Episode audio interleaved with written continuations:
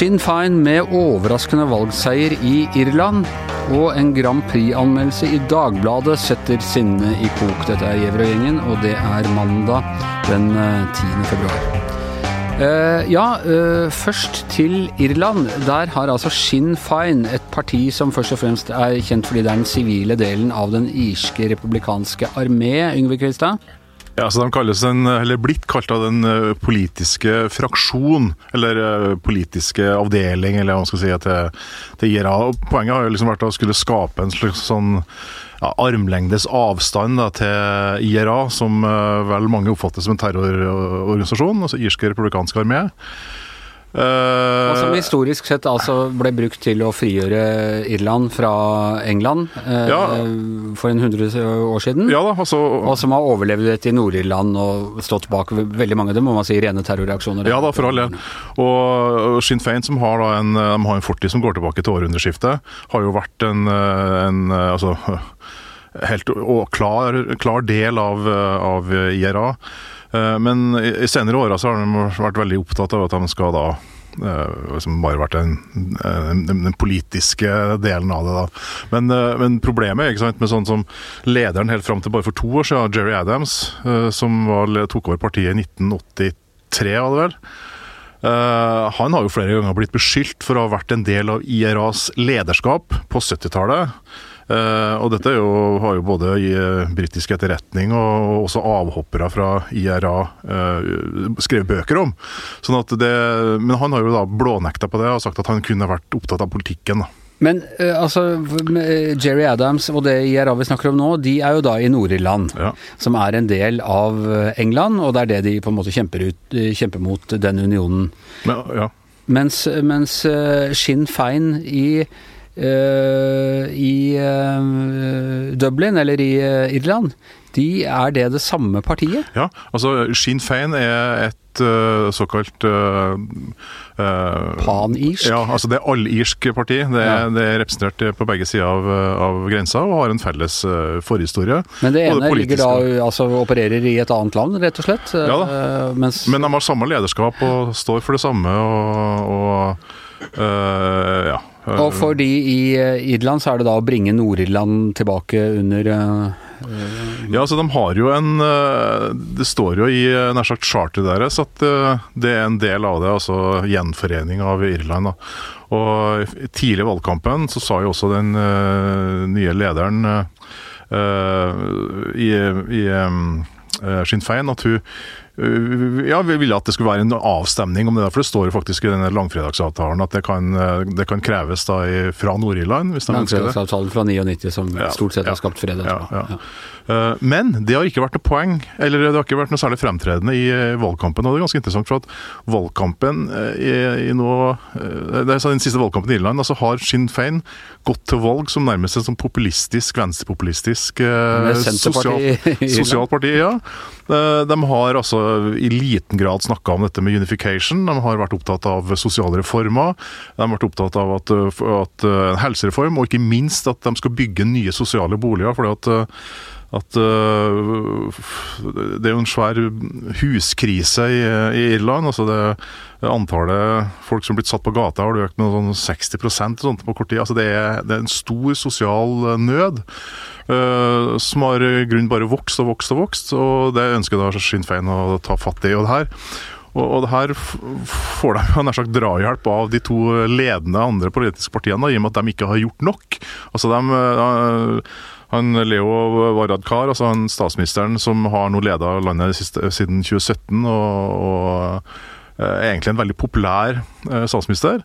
Han har jo også ledet et parti som har tatt eh, Irland gjennom eh, ja, det trøbbelet som var etter finanskrisen og den økonomiske krisa. Og gjennomførte en hestekur, og det får de noe svi for. Det er, liksom, det er, ikke, noe, det er ikke noe belønning for å ha liksom, skapt gode tider i Irland. Irland er jo, er jo veldig på full fart forover. Det er et land med, med en veldig ung gjennomsnittsalder. De, har, de er godt utdanna. De har gjort store økonomiske framskritt. Det, det, er egentlig alle piler peker oppover. Men uh, likevel så har da Sinn Fein klart å skal vi si, eh, appellere da, til misnøyen, og til, ikke minst da, til, til, eh, til folk da, som ikke har det så bra. da. Rikt land med mye misnøye, det er lydig kjent. Ja, Eh, men, men hvor, hvor eh, Altså, eh, hvor mye har brexit f.eks. å si her? Eh, Mindre enn hva vi skulle tro. Altså, det har nok hatt eh, altså, Statsminister Varadkar ble jo veldig populær i Irland fordi at han har liksom klart å eh, turnere der forhandlingene mellom eh, EU og, og, og Storbritannia på en en, veldig god måte. Han har også vært en slags sånn fredsmegler mellom EU og, og London. Han har uh, benytta et tydeligvis ganske godt personlig forhold til, til Boris Johnson til liksom å oppnå, oppnå ting i forhandlingene. Eh, men eh, det har liksom ikke slått noe særlig ut. Det liksom, folk har ikke vært, vært opptatt av det. Selvfølgelig, det det, ligger det er faktum at eh, EUs grenser nå går tvers over øya, hva Nei, de, de har jo nå prøvd å få, få liksom unngå det, da, at det skal være en slags åpen, myk grense der. Da. Men at grensa da kan komme til å gå gjennom, gjennom Irskesjøen. Nå er er en del av de tingene der som ikke er på plass ennå, men selvfølgelig. Men, men nettopp det, da, at de har klart å ikke få opp en hard grense igjen øh, mellom nord og sør, øh, har jo egentlig gjort at han øh, har, har ganske gode kort, da, sånn sett. Da. Men Eh, det viser seg liksom sånn, nei, det er, ikke, det er ikke det de snakker om. Altså. Det, det er de sosiale forholdene som har vært saken, og det økonomi og sånne ting. Så Men hvordan, eh, hvordan blir dette mottatt i Nord-Irland? Er tenner det noe mer eh, gnist der for antiunionistene? Ja, du vet altså, i Nord-Irland er det litt sånn spesielt nå, for at eh, der, har, der stemte man også for å bli i EU. ikke sant? De ønska jo ikke ønsker jo Ja, ikke av befolkningen Ja, ja. Og det er tverrpolitisk. altså Det er både republikanere og unionister som, eh, som står på den sida der. Og unionistene var jo en gang i regjering med Theresa May, eh, og var jo på parti med Bo- Bo- Boris Johnsons Tory-parti. Og der er de jo ikke lenger. sånn at det er jo en del krefter da som, som åpenbart eh, ja, drar nytte av det, og som gjerne ønsker å få en ny debatt igjen om vi skal ha en eh, ny folkeavstemning om, om gjenforening. og Det er jo krefter som tidligere var veldig sterkt imot det, som nå sier at det er, det uunngåelig. Det er sånn som i Skottland. altså Folk som stemte nei til løsgivelse der. eh, eh, Sist de sier at eh, det er uunngåelig. Det, kommer til å tvinge seg fram en eh, ny folkeavstemning, både i Skottland og i, Nor- i Nord-Irland. Det, det kommer kanskje ikke til å skje i den eh, perioden her, men eh, kanskje neste. Men er ikke hatet mellom lojalistene og republikanerne i Nord-Irland så sterkt at det er helt utenkelig for lojalistene å slippe uh, tak i moderskipet eh, England? Eh, altså, jeg, jeg tror jo at det, at det er en løsgivelse Nei, altså en eh, unification, altså gjenforening nord, Ja. sitter ganske langt inne. Men samtidig så er det klart at hvis det blir en folkeavstemning, da, så eh, er det jo stor sjanse for at det kan bli et eh, flertall, i og med at de har lagt seg så voldsomt ut med regjeringa i London. Og London altså nord, Både Nord-Ira og ira synes jo at eh, London ikke tar særlig hensyn til deres ønsker og, og behov. For de føler seg eh, tråkka på, og det, det liker jo ikke folk. Nei. Men uh, Sinn Fein er altså da nå mer av et populistisk senterparti egentlig enn av Ja. en eh, militant Ja da. eh, Og det er jo det som uh, Mary Lou McDonald, den nye partilederen, har gjort. da, At hun har jo transformert det partiet fra å være et Og hun- kan ikke beskyldes egentlig for å ha noe f- f- befatning med, med IRA. Nei, hun er for ung, rett og slett? Ja, er for, for ung, og det liksom, de har ikke klart å finne noe dirt på henne i så henseende. Uh, og så har hun bygd opp et lag rundt seg som uh, veldig mange kvinner for øvrig, som også står for mye av det samme. Så, så det som er veldig spennende framover i Irland, er jo, er jo hvordan de vil benytte da, den nye makta de, de får. da. For det er jo, altså, Frågan er jo hva slags type makt de får. For at de ønsker selvfølgelig inn i regjering. De får nå kanskje ja, kanskje rundt 40 representanter. Uh, ja, rundt 40. Uh, og de må ha 80 da, for å ha majoritet.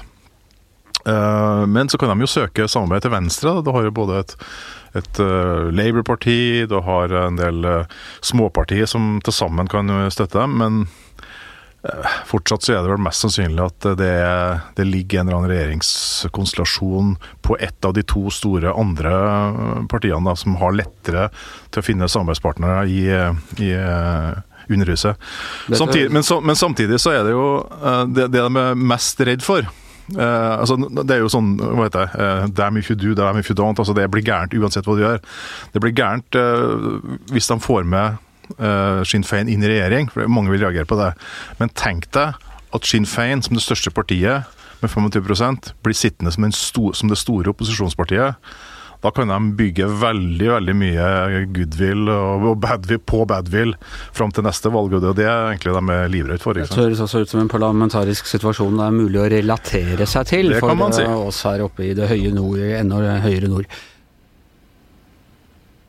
Uh, ja, litt uh, hva skal jeg si, litt mer trivielle problemer her i Norge, men i uh, det stunder mot Grand Prix. Og i helgen så hadde Dagbladet en anmeldelse av en Grand Prix-låt hvor anmelder Anders Grønneberg, en av avisens uh, veteraner når det kommer til musikkjournalistikk, eller norsk uh, veteran når det kommer til norsk musikkjournalistikk i det hele tatt, skrev at ja, hva var det hans Petter, at sangen hørtes ut som en genfeil, eller Ja, en genfeil som burde vært Vel, burde vel vært fjernet tidlig svangerskapsforløp, skrev han. Ja.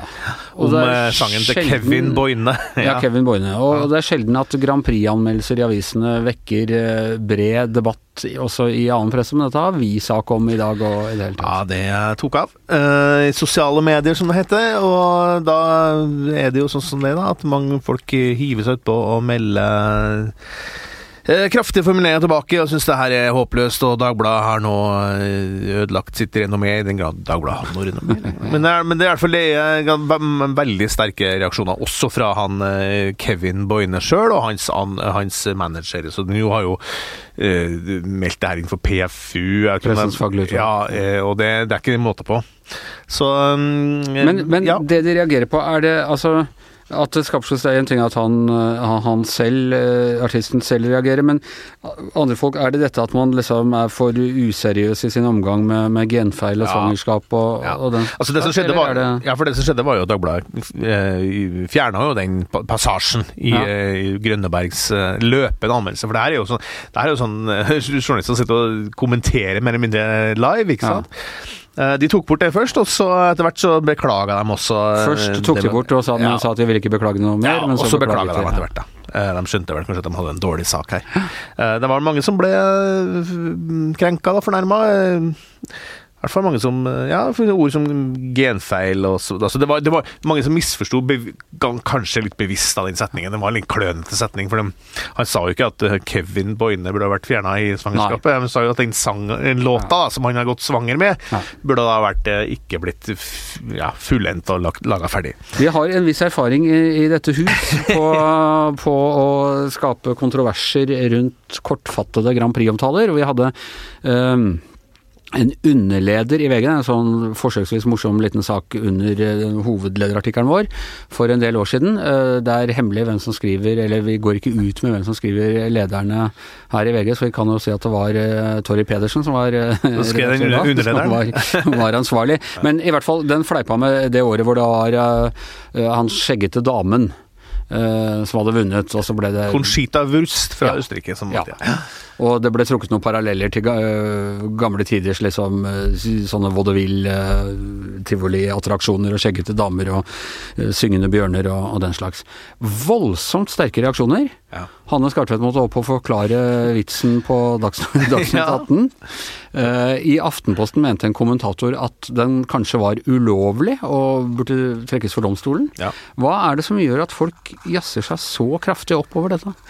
Nei, det er to forskjellige saker for så vidt her, da. Men det, er så rart. Det, altså, Utgangspunktet med han Grønneberg var jo at det var uheldig formulert, da. Men når folk skriver at nå må avisa boikottes og uh, Dagbladet må skamme seg og uh, Grønneberg burde hatt sparken, ikke sant. Det, det jo, må jo ha noe med sosiale mediers uh, liksom sånn umiddelbarhet som gjør at folk blir reagerer så enormt. Fordi det, Vi snakka litt om det tidligere, Anders. Du jo, har jo bakgrunn fra musikkpressen, som jo også Vi skrev verre ting enn det der den gangen. Dere skrev mye verre ting. Og det jeg husker i hvert fall selv, da jeg begynte å interessere meg for journalistikk, og sånn, så var det jo mye sånn musikkpressesjargongen som gjorde at det her var artig og interessant. da.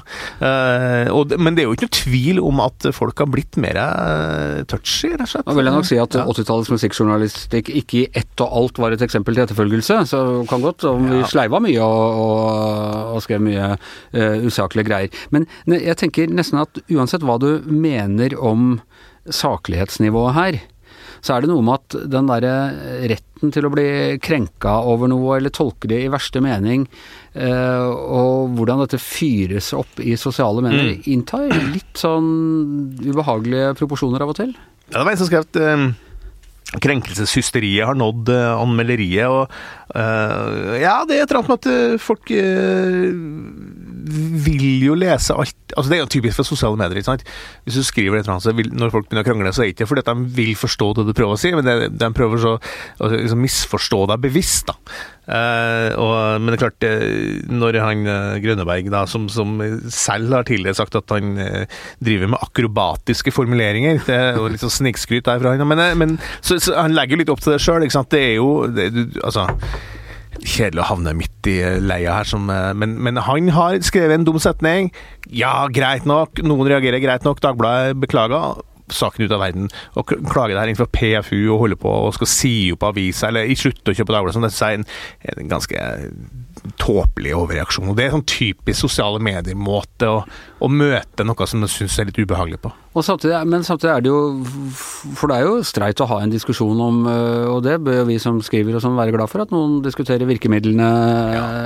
Men ikke, ikke hele, hele eh, Melodi Grand Prix, da, eller Eurovision som det vel heter nå, eh, er jo, altså, det er jo et fenomen som, er, som man skal tulle litt med òg, for det er litt sånn tullete. overdrivelsens øh, arena. Ja. Ja. Og hvis man ikke skulle få lov til å være eh, morsom og akrobatisk, da, for å bruke hans ord, uh, på det, hvor skal man da få lov til å leke seg og ha det litt gøy? Men vi hadde jo i mange år så var det Jostein Pedersen, også en gammel kollega av meg fra musikkpressetiden for øvrig, bare for å si, si det. Men han var jo mildest talt ganske ironisk i en del ja. kommentarer og sånn.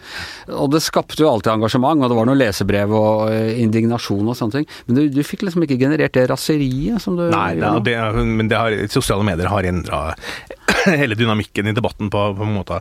Nå skal jeg si, bare for å legge til litt, for Vi hadde jo et innlegg her i, i VG nå som er ganske godt, eh, som påpeker at eh, Grønneberg har jo vært ganske frekk i kjeften eh, før, og litt, eh, litt ufin også mot kvinner. Altså, han eh, skrev sånn som at uh, Aserbajdsjans uh, forsanger i 2016 han kalte henne for en veldreid lekkerbisken. Okay. Uh, og i årets uh, Bisken er ja, ja, og Tone Damli sang jo i årets eh, nå sist helg da, i Grand Prix, og da skrev da han at hun skulle ønske at mikrofonen ikke skjulte ansiktet så mye, for hun er en vakker kvinne jeg gjerne vil se.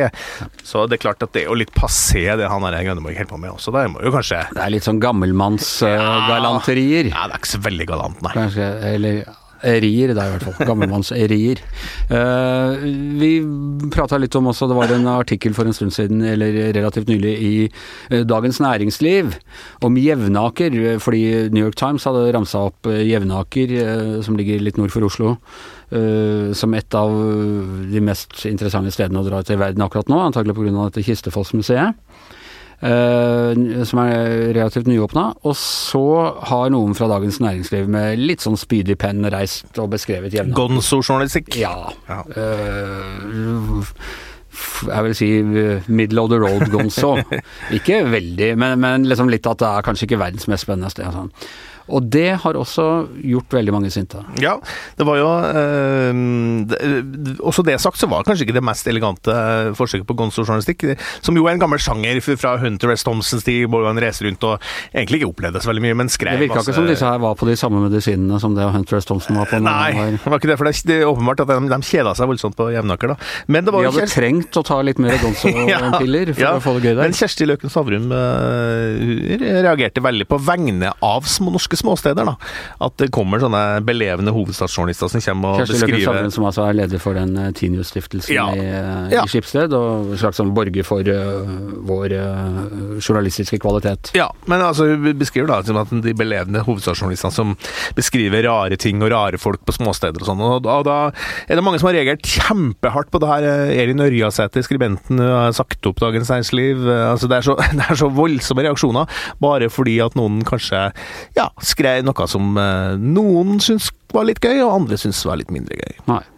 Nei, Skal du drive og reise rundt i Norge og gjøre narr av folk, så tror jeg du skal holde deg til Oslo 2 og til nød Oslo 3. Da tror jeg det er relativt fritt fram. Ellers bør du være litt forsiktig. Altså. Ja, det er jo noen som har reagert veldig på det her. Noen som nå har drevet en sånn motprogrammering i sosiale medier, og nå legger ut bilder for hvor vakkert det er på Jevnaker. Ja. Får eh, åtgaum fra, fra andre folk der rundt omkring i Norge, og det er jo hyggelig, det. Jeg har vokst opp på et sted eh, ikke ulikt Jevnaker når det kommer til eh, natur, og jeg er veldig glad i den naturen der. Men akkurat sentrum i barndomsheim, eh, Det kan være- den syns jeg nok at det fins vakrere steder her i verden. Jeg tror vi kan være såpass frekk, med fare for å bli, inn- bli plaga massivt av folk nå, er at det er en del småsteder i Norge som har slitt litt med byutviklinga. Det Ja. er det, kan vi si. Ja. Blant annet min hjemby. Ja. Men derimot, Yngve, eh, du kommer fra Inderøya. Det er Norges Toskana? ikke Det er? Norges Toskana. Vi er ett av dem. Ja. Og der er jo faktisk fint i sentrum også. Ja, det er kjempefint. ja. Absolutt. Det er helt, eh, helt perfekt. Så det er ingen grunn for Dagens Næringsliv til å komme der og gjøre narr av gatekjøkkenet eller et eller annet sånt? Nei. nei. Nei, for da får de Per Egil Hegge på nakken. Og det vil jeg, og det vil jeg ikke, det vil jeg det er ingen i pressen som vil ha. Ok, eh, med det så tror jeg vi sier eh, takk for i dag. I studio i dag Yngve Kvistad, Hans Petter Sjøli, Anders Giæver og vår heimstavsmann eh, Magne Antonsen Baksberg. Vi høres i morgen.